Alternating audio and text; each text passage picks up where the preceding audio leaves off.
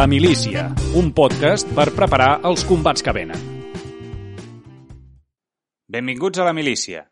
A finals de setembre, al Caucas Sud, entre Àsia i Europa, van produir-se bombardejos contra la població de l'Arsac, la república autònoma coneguda també amb el nom de Nagorno-Karabakh, però que inclou altres regions en disputa entre aquest estat independent de facto i l'Azerbaidjan. El conflicte per aquest territori entre Armènia i Azerbaidjan es remunta a principis del segle XX i ara torna a aparèixer amb força després de diversos processos d'escalada posteriors a la guerra entre els dos països durant els anys 1991 a 1994, que va seguir la descomposició de la URSS. A nivell geopolític, es tracta d'una zona sensible, tant pels poderosos veïns que fan frontera amb aquests dos països, com són Iran, Turquia o Rússia, com pels interessos energètics que hi tenen altres actors com la Xina i la Unió Europea. A nivell humà, la guerra de principis dels 90 va ser devastadora i el temor que la situació torni a escalar fa ressonar entre la població armènia el trauma del genocidi que va patir a la segona dècada del segle XX. La lluita per la supervivència del poble armeni és una de les històries vinculada a aquest conflicte en el qual l'odi interètnic és un dels elements catalitzadors sumat a la voluntat de l'Azerbaidjan de fer valdre la seva riquesa com a exportador de gas i petroli, invertida en gran part, en els darrers anys, en armament. Per entendre què significa aquest conflicte, a la milícia parlarem amb Abel Riu, politòleg especialitzat en el món postsoviètic que des que van començar els bombardejos ha seguit de molt a prop l'evolució dels combats. Li demanarem que posi context a un conflicte que, per molt lluny que sembli, pot donar-nos pistes sobre la naturalesa de la guerra al segle XXI.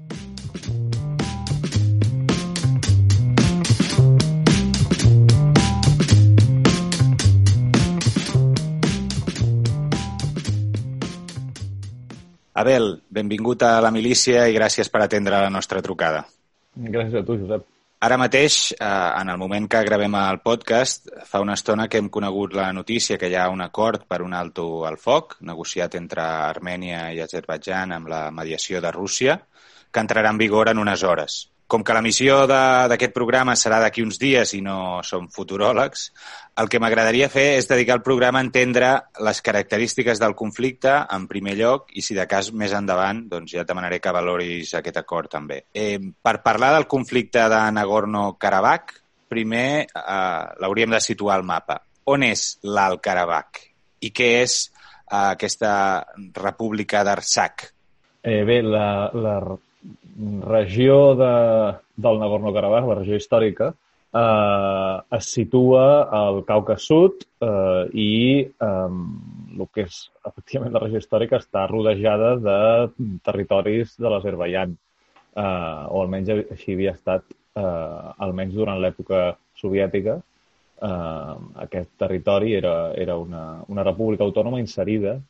dintre de eh, la República Socialista Soviètica de l'Azerbaidjan,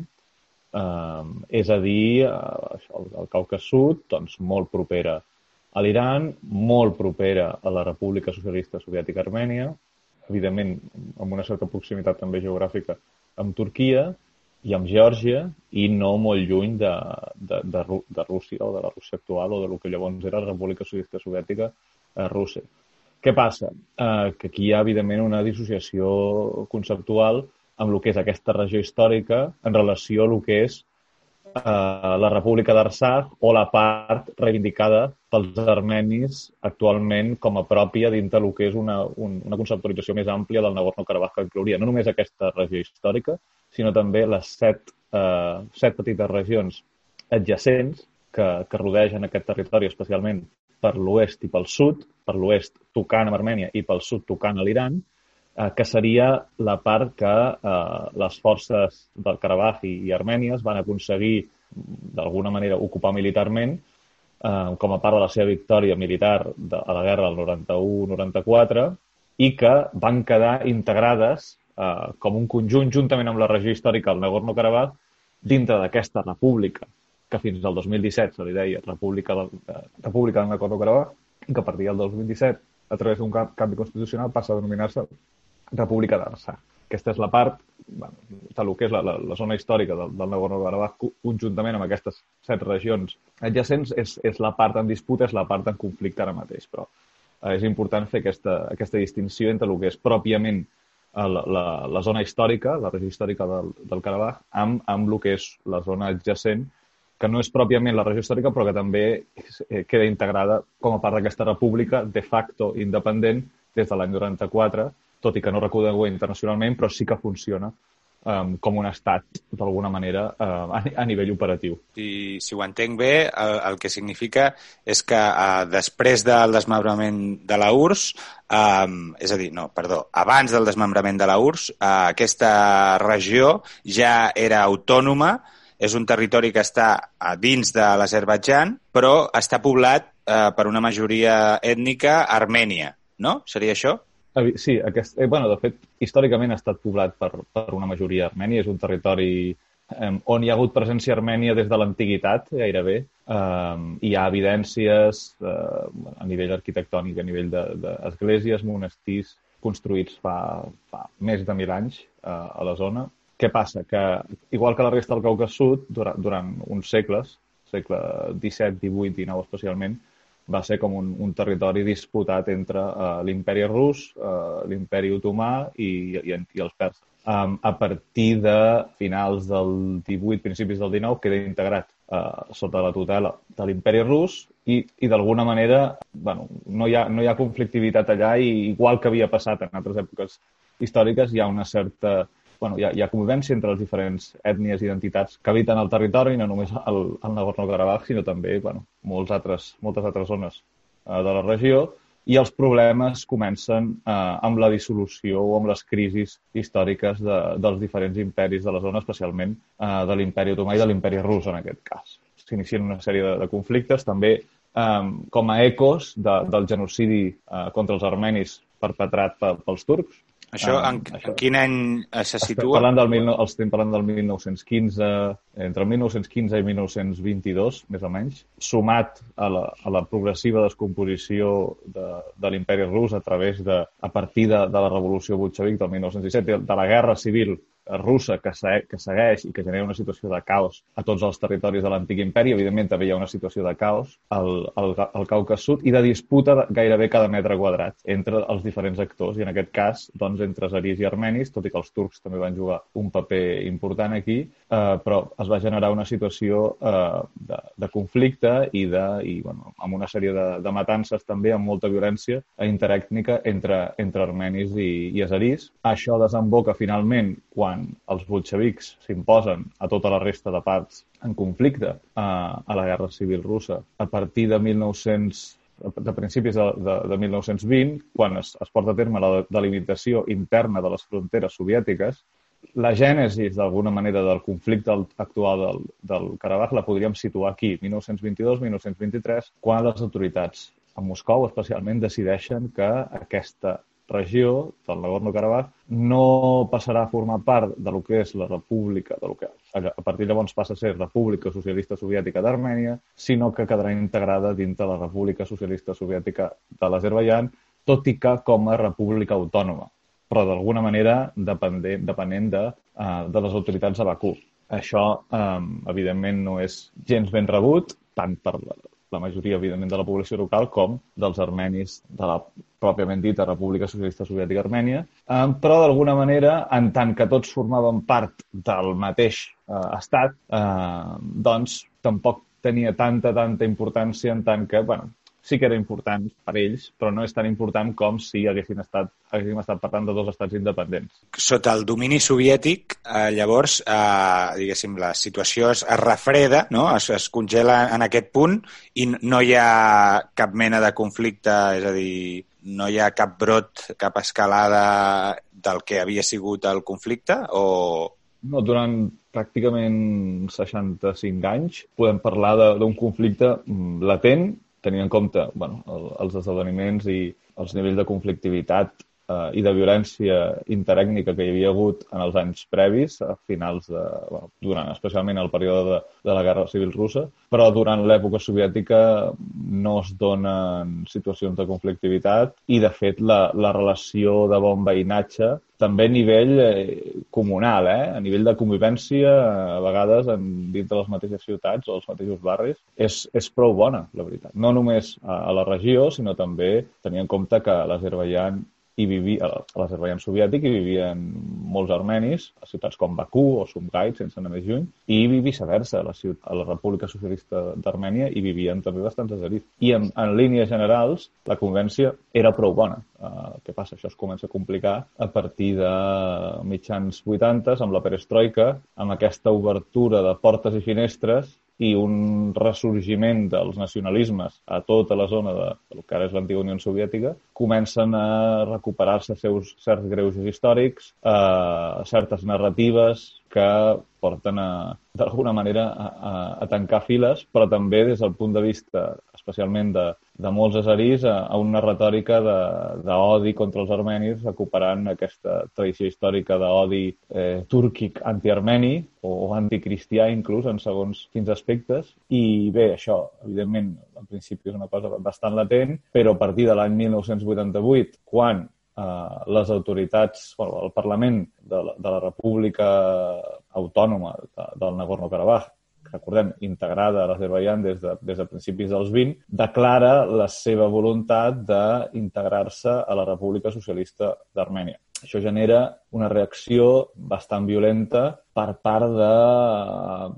bé, alguns sectors eh, de la població de l'Azerbaijan i, i aquí eh, recordem els pogroms que es donen a Sumgait a principis de l'any 88. Sumgait és una, és una ciutat prop de la costa del Mar Caspi de Baku on, on treballaven, on vivien i treballaven, una ciutat industrial, hi havia una comunitat armènia bastant important i aquesta comunitat armènia és víctima d'un atac indiscriminat per part de gent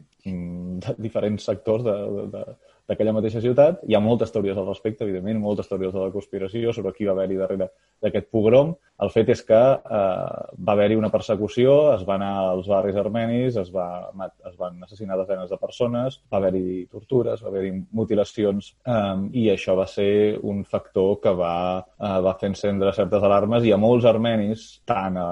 evidentment a la República del Nagorno-Karabakh com, a, com a la pròpia Armènia, eh, això els hi va despertar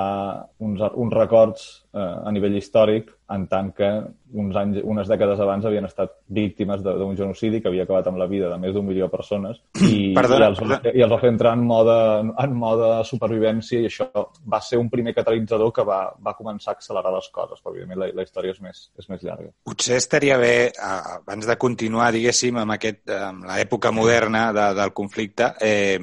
que recordéssim una mica aquest fet històric, no? aquest genocidi armeni que doncs, eh, representa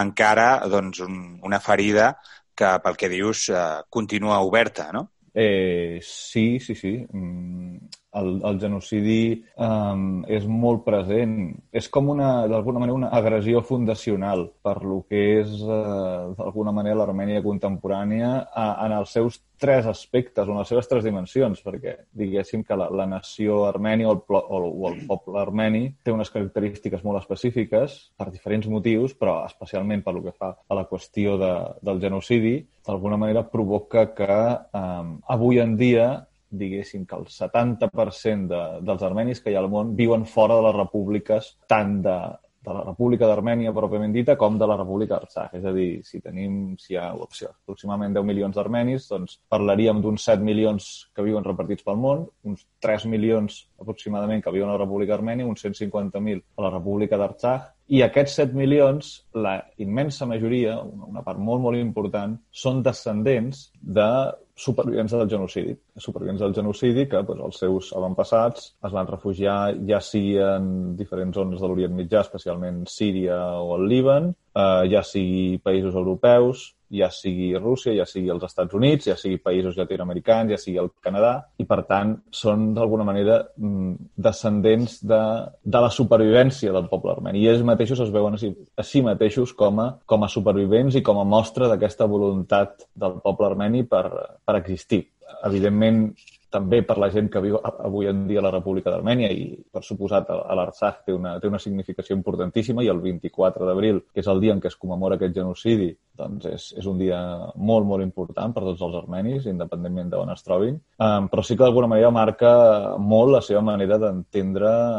la realitat, la seva posició al món i, evidentment, en relació amb el conflicte amb, amb l'Azerbaiyán pel control de l'Alt-Karabakh, doncs, també tenint en compte que l'Azerbaiyán és un poble túrquic i que rep suport eh, ara també militar, inclús de Turquia, que a nivell de, de narrativa i de, inclús eh, amb un punt armenofòbic, podríem parlar en, en molts aspectes d'un cert odi ètnic per part de o, o almenys d'un foment d'un cert odi ètnic per part de les autoritats d'Azerbaiyán en relació als armenis, i això es, es pot veure, per exemple, en materials eh, escolars o en eh, la, el tipus de propaganda que es fa servir, o en el cas de Ramil Safarov, sense anar més lluny, és un cas molt representatiu que es va donar el 2004 en un entrenament o bueno, una, unes jornades organitzades per l'OTAN per diferents països, eh, entre els quals van participar les forces armades eh, d'Armènia i de l'Azerbaiyán. Això si mal no recordo, va ser a Budapest. Eh, eren uns cursos formatius i van participar això, doncs, soldats de diferents països mm, de l'OTAN, però també d'altres zones del món. I en el marc d'aquests eh, entrenaments, d'aquests cursos, eh, una nit un soldat de l'Azerbaiyán, eh, Ramil Safarov, va assassinar a sang freda un soldat armeni a cops de destral. Llavors aquest, aquest soldat eh, azerí va ser, va ser detingut eh, i jutjat i empresonat, però al cap d'uns anys, si no recordo, devia ser 2010-11, eh, gràcies a uns acords amb el govern de l'Azerbaijan, va ser eh, retornat en aquest país, on va ser rebut com un heroi, on va ser condecorat, on se li va donar un pis, un cotxe, va ser tractat com un heroi, etc etc. Evidentment no va complir cap tipus de, de pena ni de continuació a la condemna. És a dir, com si el seu eh, comportament fos exemplar és una miqueta per explicar bé el tema aquest de l'armenofòbia i perquè molts armenis tenen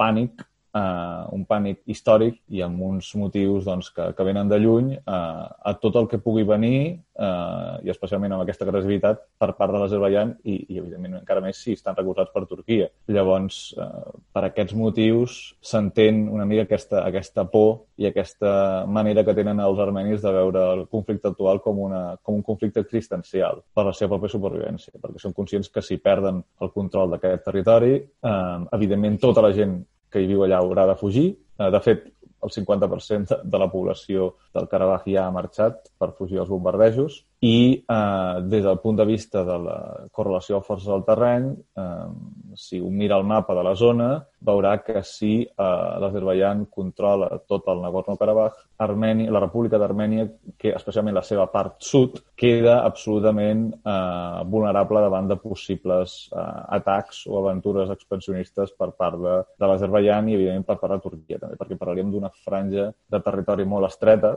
molt difícil de defensar. Per tant, si tornem a, a, a l'època moderna, eh, deies, després de, de la perestroika i comença a aflorar aquest sentiment nacionalista, eh, comencen a aparèixer aquests progroms que ens comentaves eh, i llavors es produeix el, el primer conflicte bèl·lic, diguéssim, eh, la primera escalada bèl·lica eh, en, en aquest territori. És així? Um, bé, és, és, és bastant progressiu. Diguéssim que una situació de, de guerra total entre dos bàndols armats o entre dos forces armades, eh, per dir-ho d'alguna manera, Uh, això comença amb, amb la dissolució definitiva de la Unió Soviètica de l'any 91 i quan tant Armènia com l'Azerbaijan esdevenen estats independents i d'alguna manera hereden parts corresponents de lo que seria l'exèrcit soviètic eh, a nivell d'equipaments eh, i, i a molts altres nivells. Eh, des del 88 fins al 91 hi ha una situació de, de conflictivitat creixent, eh, hi ha morts, evidentment, hi ha, hi ha operacions de combat per dir-ho d'alguna manera, però és molt més suau, també perquè les capacitats al terreny tant d'una banda com l'altra eren, eren molt menors, perquè cal recordar-ho, qui tenia les forces armades era, eh, era l'exèrcit soviètic que estava, evidentment, eh, dirigit des de Moscou. Però bé, els azeris, en aquest cas, comptaven amb unes forces que són, bueno, eren llavors les, com unes forces eh, policials militars dependents del seu Ministeri de l'Interior eh, republicà, en aquell cas de, de la República Socialista Azerí, que sí que van eh, enviar eh, al territori i a nivell armeni doncs, bueno, es van organitzar milícies a la població del Karabakh um, i va haver-hi doncs, uh, sí, un, un, nivell, un cert nivell de conflictivitat, va haver-hi una intervenció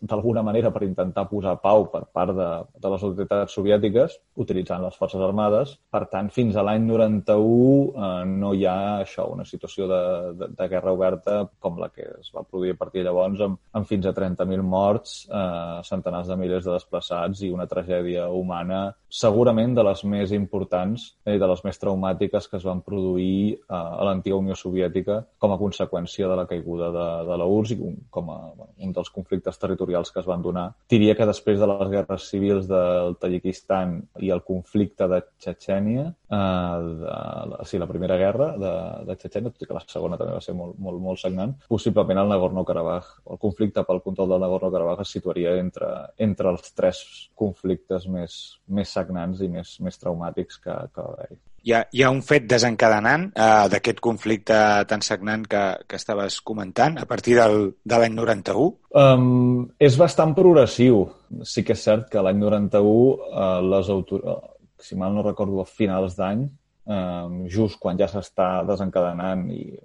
les últimes fases de, de la fi de la URSS i de la seva descomposició territorial, uh, la República Autònoma, fins a llavors, del Karabakh, declara la seva independència um, i això bé, des del punt de vista polític i de, i de, la, de la projecció de, de legitimitat o d'intencionalitats doncs és, és molt, molt clar i envia un missatge que no, té, bueno, que no deixa cap tipus de dubte respecte a quines són les seves intencions, però és, és, és una escalada bastant progressiva, però especialment a l'any 91 és important, any 91, principis dels 92, de 92, en tant que tant un bàndol com l'altre de cop es troben amb, molt, molt més enfortits a nivell de, de capacitats militars i amb uns armaments amb els que, amb els que abans no comptaven i, i això, evidentment, fa que, fa que tot plegat acabi escalant. Llavors comença, diguéssim, el, el conflicte, diguéssim, armat, i això dura fins a l'any 94, és correcte? Efectivament, efectivament fins a l'any 94. I quin és l'acord? Hi ha un acord de pau? Hi ha un, un s'arriba a, a, quina, a quin pacte s'arriba per aturar aquesta escalada bèl·lica? Bé, l'any 1994 signa un alto al foc eh, a la capital kirguisa, Bishkek, però és un alto al foc sense massa compromisos eh, polítics per part de cap dels, dels bàndols, però sí que posa les bases per eh, els marcs negociadors que es crearien a partir de llavors, eh, dintre de, de, del format conegut com a grup de Minsk, de, de l'Organització per la Seguretat i la Cooperació d'Europa, eh, format per uns quants països, però liderat per França, per eh, la Federació Russa i pels Estats Units, que suposa que són els que tenen la, la responsabilitat d'impulsar les negociacions posteriors a aquest alto al foc eh, de cara a trobar una solució negociada i pacífica al conflicte. Com s'ha pogut comprovar, especialment aquests darrers dies, eh, aquestes negociacions no han reixit, eh, han fracassat ha hagut diferents intents d'impulsar-les al llarg de, i de reimpulsar-les al llarg dels darrers 26 anys. S'ha treballat en base a diferents documents, en base a diferents propostes. Uh, segurament el més important vindrien a ser els coneguts com a principis de Madrid. Um, això, si mal no recordo, es van, es van negociar fa, això devia ser 2000 7, més o menys, una cosa així. I que marquen sis punts, estableixen sis punts sobre els quals eh, s'hauria de situar una, una solució final a negociar d'aquest conflicte. A part d'altres consideracions, eh, fa referència a, a quin seria el futur de, de les set regions aquestes adjacents que els armenis acaben ocupant després d'alliberar tot el, el territori del Nagorno-Karabakh ocupen aquestes set regions també en conflicte com una zona buffer de seguretat pel que pogués passar. De fet, ara bona part eh, dels combats, especialment el, els que es donen al sud, eh, es donen en dues d'aquestes regions. Llavors, una mica els principis de Madrid estableixen què passaria amb aquestes, amb aquestes zones i la proposta aquí seria que aquestes zones retornessin sota control azerí i que la població azerí que vivia en aquests territoris i que va haver, va haver de marxar, va haver de fugir eh, l'any 93-94, doncs pogués progressivament anar, anar retornant i que amb les necessàries garanties de seguretat pels armenis del Karabakh, d'alguna manera l'estatus polític del, del Nagorno-Karabakh el decidissin els seus habitants, en base doncs, a un referèndum d'autodeterminació o el que sigui. O sigui, d'alguna manera hi ha, una, hi, ha un, hi ha un doble reconeixement eh, implícit aquí en, en, aquests, en aquest document, que és, d'una banda, l'Azerbaijan té el dret legítim a reivindicar aquests, aquests set territoris adjacents i, com a tal, el, aquest plantejament inclou que, que li siguin retornats, però amb les garanties de seguretat necessàries perquè els habitants del Karabakh puguin exercir el seu dret a decidir el seu estatus polític i que el fet d'estar completament rodejats per territori a l'Azerbaijan, després de la cessió, després del de retorn d'aquests territoris a mans azeris, es pugui portar, es pugui exercir aquest dret a l'autodeterminació eh, sense riscos per a la seguretat de, o per la integritat d'alguna manera eh, territorial d'aquesta regió, que també inclouria doncs, una connexió, un linkatge territorial permanent amb la República d'Armènia. Bàsicament, bàsicament vindria a ser això. Què és el que bloqueja eh, que no es duguin a terme o que no s'apliquin aquests principis de Madrid? Bé, falta d'acord per les dues bandes sobre eh, el què, sobre el com, sobre quan, eh, falta d'incentius i al final, bueno, segurament segueixin sent un, un bon plantejament, un bon esquema sobre el qual avançar, però és cert que, especialment per, per la banda armènia, hi ha hagut eh, pocs incentius per cedir, almenys fins ara. Ara això ha canviat i això és un tema, bueno, en podem parlar també, um, sobre què han significat aquestes dues setmanes de conflicte. Sí. Però els armenis, en tant que van ser pensadors sense pal·liatius i, i, i de fet, una mica contra, contravenint el sentit de la història eh? I, de, i de la correlació de forces que podia haver-hi a, a principis dels 90. Recordem que Armènia doncs, tenia, tenia i té molts menys habitants que l'Azerbaijan i que en principi a nivell material i a nivell d'efectius de, doncs, era el bàndol més feble i tot així es va, es va aconseguir imposar també gràcies al fet de que eh, a nivell d'estabilitat de, interna eh, l'Azerbaijan de principis dels 90 va ser un territori de caos permanent, amb diferents cops d'estat, amb, amb canvis de govern constants, amb això, molta conflictivitat interna i això va treure en algun moment determinats esforços molt importants del front que va ser aprofitat, evidentment, pels armenis. Però bé, la situació ara ha canviat eh, totalment. És cert que, bueno, durant aquests darrers 26 anys, per alguns sectors, especialment de la població, perquè, clar, aquí hi ha dos, dos prismes, el de els líders polítics o els representants polítics o institucionals que han de prendre certes decisions i que se suposa que han de cedir més o menys i que han d'acceptar compromisos. Per tant, és una, una posició que a priori no hauria de ser tan maximalista, però la, població, la, la, la posició de, de la població, clar, pot ser menys, menys racional en aquest sentit. I tenir en compte les grans pèrdues que va suposar pel poble armeni, pel poble del Karabakh, aquesta guerra del 91 al 94, tots els sacrificis que es van haver de fer, tota la, la resistència que, que va haver-hi, perquè no, recordem que ells van ser el bàndol eh, que primer va patir eh, agressions, atacs, matances i, i ells, la seva pretensió era independitzar-se de forma pacífica i van rebre eh, una resposta, bueno,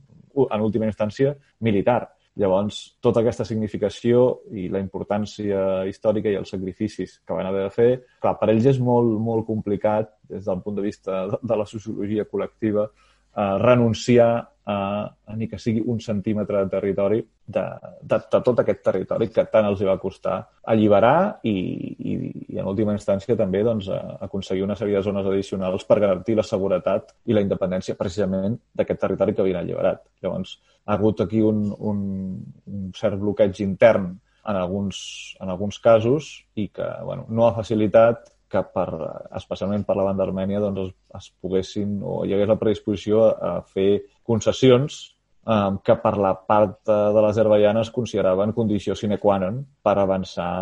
en el procés negociador. Llavors ha hagut un, un enquistament permanent, amb algunes excepcions. A finals dels 90 semblava que podia haver-hi un acord, però, de nou, per, per eh, bloquejos interns o per por, tant per, en una banda com l'altra, a que a nivell de la població no fossin ben rebuts aquests, aquests compromisos perquè es poguessin entendre com, com una sessió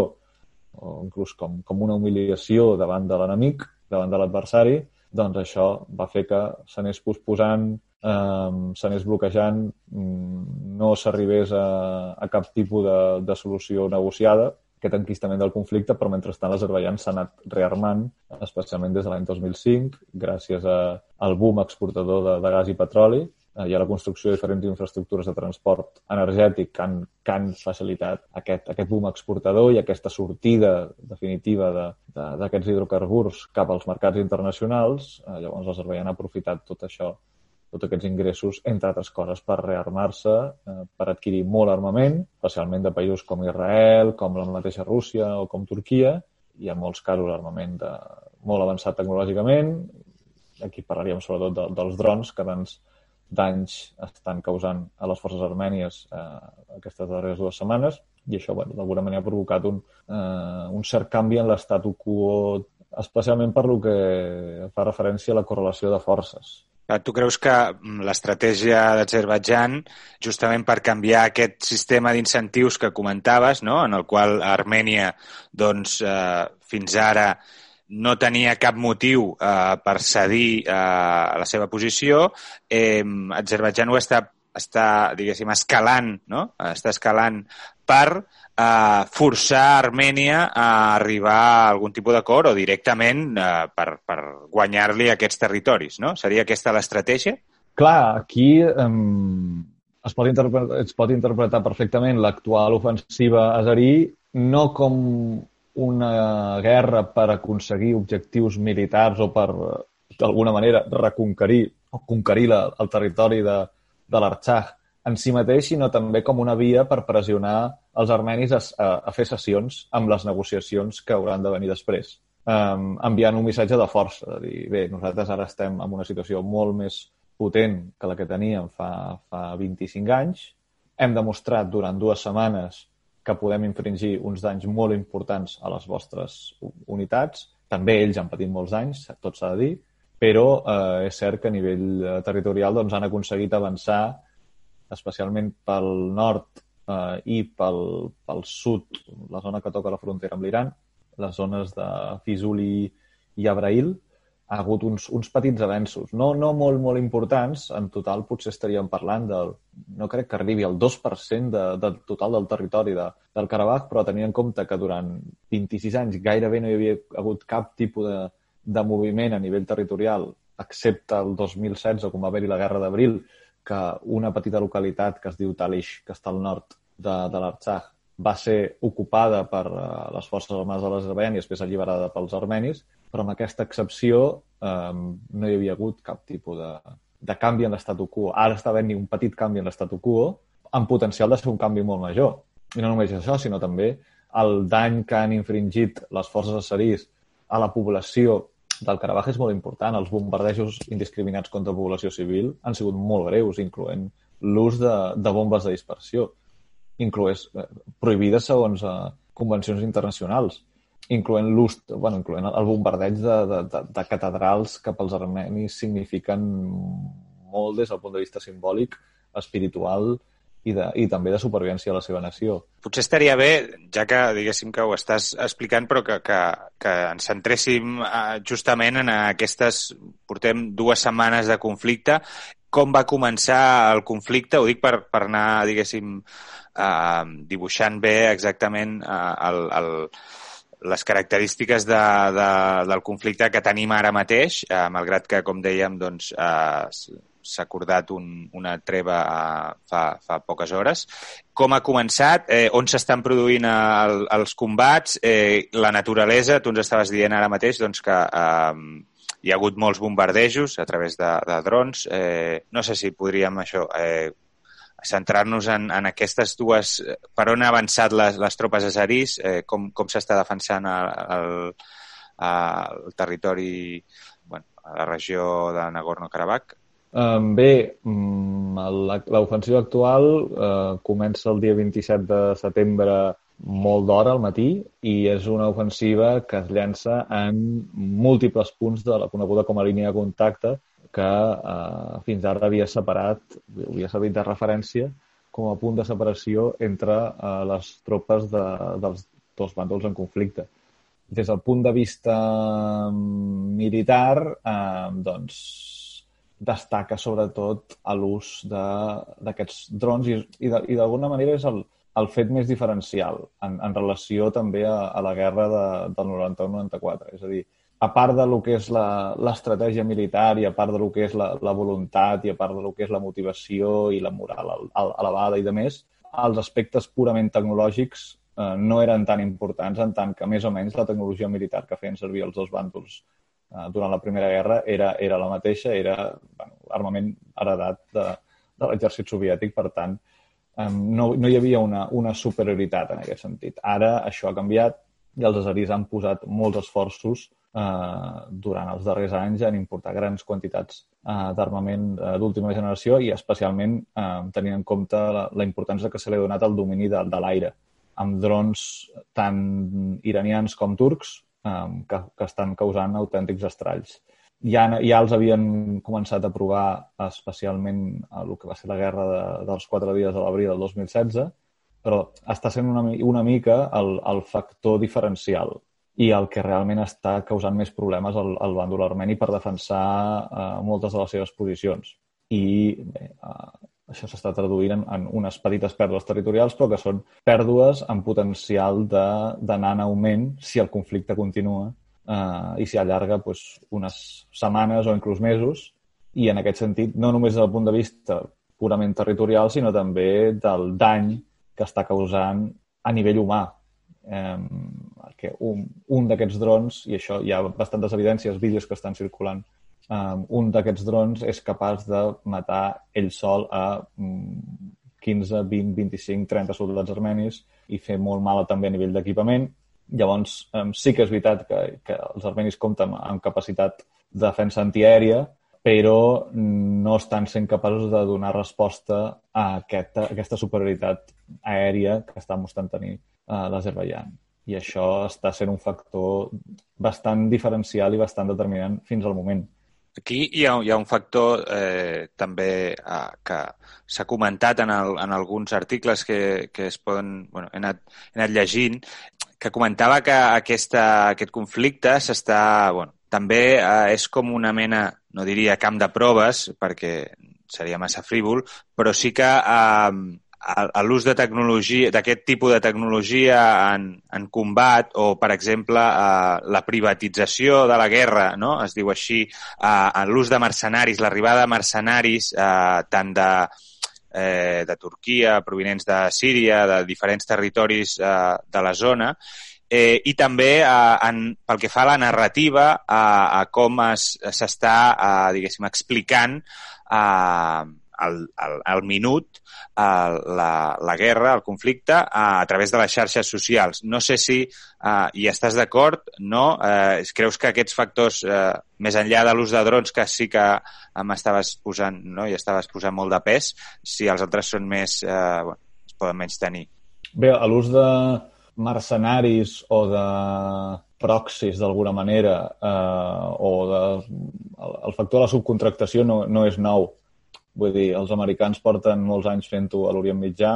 amb Blackwater i, i moltes altres empreses mm -hmm. hereves. Els russos han fet tres quarts del mateix amb empreses com Wagner o um, amb conflictes amb els quals no eren un, un actor eh, diguéssim, directament implicat eh, amb tropes eh, pròpies, amb les insígnies pròpies de la Federació Russa, però sí que hi havia eh, un suport eh, explícit i implícit, com pot ser el cas del Donbass, o altres conflictes. Síria, sense anar més juny, a l'ús de, de, de jihadistes eh, per part de Turquia mm, i de diferents milícies eh, recolzades, entrenades i finançades per Turquia per combatre Síria. Vull dir, aquest és un factor que no diria que sigui molt innovador. En tot cas, eh, sí que és, eh, no sé si innovador, però si més no és, és molt preocupant que hi hagi, eh, que s'hagi incorporat el, aquest factor en aquest conflicte de forma eh, tan, tan evident i tan descarada eh, com és el, el fet d'haver eh, traslladat uns quants milers. No se sap exactament. Algunes fonts parlen de 1.000, altres de 2.000, de 3.000, de 4.000. El que és evident és que hi ha centenars de eh, mercenaris eh, jihadistes combatent per la part azerí eh, i que han estat portats allà per Turquia des de, des de Síria i, i Líbia. eh, això té un factor... Bueno, implica una, un risc de desestabilització mm, i de propagació important, especialment en una zona bastant eh, volàtil com és el Caucas i on ja hi ha hagut experiències eh, tràgiques i de, de, de combat i de conflicte on s'han involucrat combatents jihadistes, eh, cal, cal recordar, per exemple, el cas de, de Txetxènia, o tot el, o tot el conflicte, tot i que no, no guerra oberta, però sí que més, més de baixa intensitat que hi ha hagut al Daguestan. Um, llavors, evidentment, és, és una mala notícia. No crec que sigui un factor innovador perquè és una cosa que s'està fent des de fa dècades inclús. Um, I des del punt de vista de la propaganda de guerra uh, o, de la, o de la guerra informativa, doncs potser és, és un cas on, on està sent molt, molt més evident uh, a l'ús de vídeos de, de situacions de combat per part de, dels dos bàndols, eh, per part inclús de, de, de, de, de mitjans eh, o, de, o de canals que depenen de,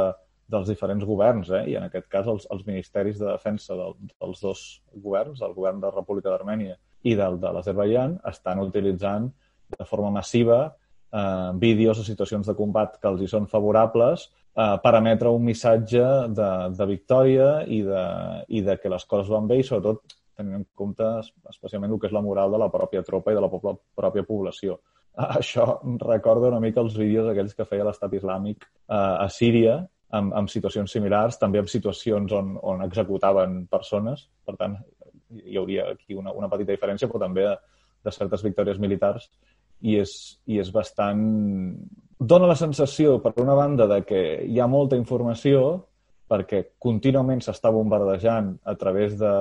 xarxes socials i a través de diferents canals amb, amb, amb vídeos i amb, i amb informació i amb, i amb dades suposadament fiables, però per altra banda és molt difícil saber què està passant al front. Vull dir, no hi ha periodistes el, en general, excepte algun equip d'alguna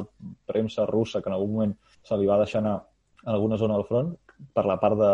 de les tropes del Karabakh, crec. Um, en general, és molt difícil comprovar què està passant al front, quines són les línies divisòries a cada moment, quins són els avenços, quins són els retrocessos. Llavors, hi ha una sèrie de, de, de mitjans independents que estan portant a terme un seguiment via geolocalitzacions, precisament de les imatges i dels vídeos que s'estan publicant, però és, és com una situació això bastant, bastant contradictòria, bastant ambigua. Per una banda, hi ha molta informació o suposada informació en el sentit propagandístic, però d'informació fiable sobre què és el que està passant, quantes baixes hi ha a cada bàndol i quines, quins són els moviments al territori a cada moment, els avenços i els retrocessos respectius, doncs això és, és molt difícil de determinar. Sí que hi ha una, una petita diferència i és que, el, a diferència de les autoritats de l'Azerbaijan, eh, les autoritats armènies sí que estan fent públiques dades de baixes, especialment militars, també civils, i, eh, si mal no recordo, una de les últimes que van fer públiques eh, fa 24-36 hores parlaven de que havien tingut almenys 350 morts eh, combatents per, per les hostilitats. Bé, per desgràcia se'ns acaba el temps. Eh, M'hagués agradat parlar eh, també de, diguéssim, de, del paper que tenen les potències regionals a, a, de la zona, com el de Turquia, que ja, ja ho hem anat comentant, i bueno, el de Rússia, en tot cas, eh, ara que eh, sí que no, no m'agradaria acabar sense parlar una mica d'aquest acord eh, que hi ha ara mateix. Eh, quan es publiqui el podcast la situació potser ha canviat, però en tot cas eh, sí que m'agradaria eh, com a mínim eh, valorar una mica què pot significar aquest, o què et sembla a tu que pot significar aquest acord eh, per, per l'alto al foc eh, i com pot anar evolucionant i en aquest punt eh, com que eh, Rússia ha fet, diguéssim, de mitjancera entre les dues parts eh, per arribar a aquest acord, doncs també si, si poguessis explicar una mica el paper, en aquest cas sí, de, de Rússia que, que té eh, en aquesta, ja m'ha explicat no? El, els orígens històrics, però actualment eh, quin, quins interessos i quines, i quines intencions pot tenir Rússia al respecte. El, el paper de Rússia és bastant complicat ara mateix i és evident que, bueno, tot i que sobre el paper és un aliat eh, militar d'Armènia hi ha una sèrie d'acords de defensa mútua. Eh, els russos tenen presència militar a Armènia a través de la base de Gumri amb unes 5.000 tropes, que Armènia forma part d'aquesta organització com una OTAN a petita escala en l'àmbit post, postsoviètic on hi participen mitja dotzena de, de països que es diu Organització del Tractat de Seguretat Col·lectiu i que implica també obligacions addicionals de Rússia en relació a la, a la defensa i la protecció d'Armènia, que el fet de que Rússia també sigui el, el principal eh, subministrador d'armament d'Armènia, eh, això a priori portaria, podria indicar que en les, en les circumstàncies actuals doncs, Rússia hauria de jugar un paper actiu inclús en, en el pla militar, en la defensa dels interessos armenis. No és així ni serà així. Eh, primera, perquè eh, ells entenen, i de fet així ho diuen els acords, de que eh, bé, la, la zona de, del Karabakh queda fora de lo que són les obligacions contractuals a nivell defensiu entre, entre Armènia i Rússia. Per tant, tot el que passi allà no obliga a Rússia a intervenir en cap moment. Eh, de l'altra banda, Armènia és un soci important per Rússia, però Azerbaijan ho, ho és i potser encara més. Cal recordar que l'Azerbaijan és el país més ric del Caucas Sud, gràcies especialment eh, al fet que compta amb reserves importants de gas i de petroli, és una, mm, bueno, no, no, no és una potència regional ni molt menys, però és un país que durant els darrers 15-20 anys eh, ha aconseguit eh, una importància creixent en el tauler energètic eh, regional, inclús acaben convertir-se, ha acabat esdevenint també un, un eh, exportador de gas i de petroli cap a la Unió Europea, cal no oblidar-ho. Evidentment, Rússia no vol entrar en conflicte amb un país que és molt important pels seus interessos, el qual també és un comprador d'armament rus i que des, després d'Israel de, crec que Rússia és el principal subministrador d'armament a l'Azerbaijan, que dos milions d'azerís aproximadament viuen a Rússia, també, evidentment, hi ha com dos, tres milions d'armenis, però això, aquest, aquest és un factor també important quan a l'hora o sigui, per Moscou a l'hora de, de, de fer els seus càlculs en relació a aquest conflicte. I, i Rússia el que ha intentat fer durant aquests 26 anys, tenint en compte tots aquests aspectes i factors i, i el seu interès en mantenir una bona relació amb els dos actors, és, eh, és pivotar i és, és fer equilibris i intentar projectar-se com a patró per l'estabilitat i per la seguretat de la regió,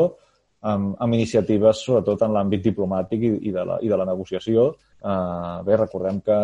Rússia és un dels tres copresidents del, del, del grup de Minsk, però a part de les iniciatives que hi ha al marc del Club d'Amics, també de forma autònoma, tot i que en coordinació amb els altres membres del, grup de Minsk, eh, porta a terme doncs, això, aquestes iniciatives negociadores. El 2016, sense anar més lluny, quan va haver-hi la guerra dels quatre dies a l'abril, eh, va ser Rússia qui va esponsoritzar i va bé, portar a terme el, la gran majoria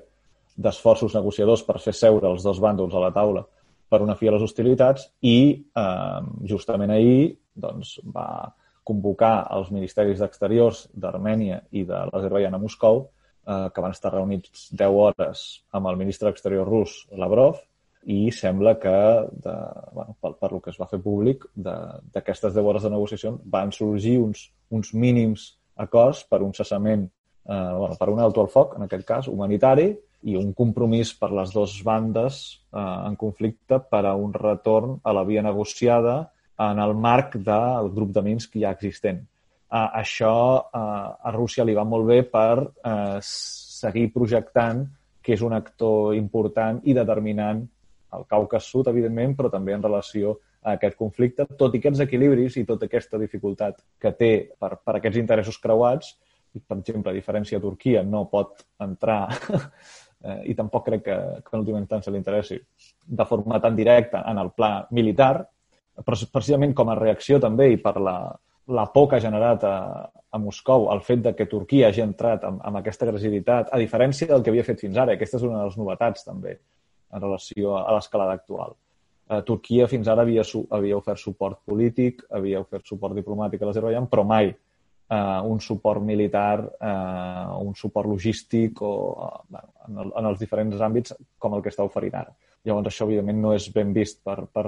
Rússia. Fins ara doncs, sembla que havia estat esperant uh, a veure com avançant els esdeveniments aquestes dues darreres setmanes i just ahir es va produir aquest primer gran esforç negociador per part del Kremlin, que va tenir uns petits resultats però importants almenys a curt termini, i llavors haurem de veure si a mig i llarg termini eh, aquest, aquest retorn a la via negociadora es consolida, si hi ha avenços, perquè si no hi ha avenços, eh,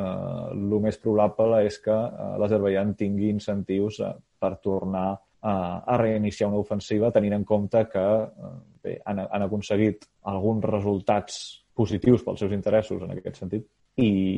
i bé, si, si per la banda armènia doncs, eh, els azeris veuen que no hi ha voluntat de fer sessions, sobretot des del punt de vista estrictament territorial,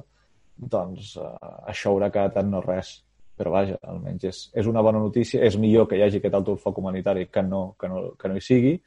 i a partir d'aquí haurem de veure com evolucionen els esdeveniments els propers dies i setmanes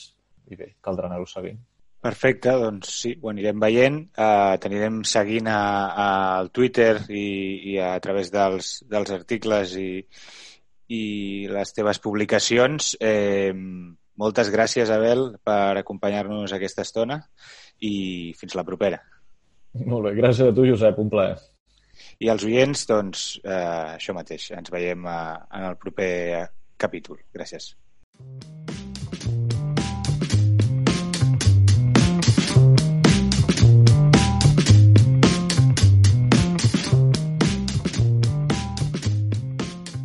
La milícia, amb Josep Asensio.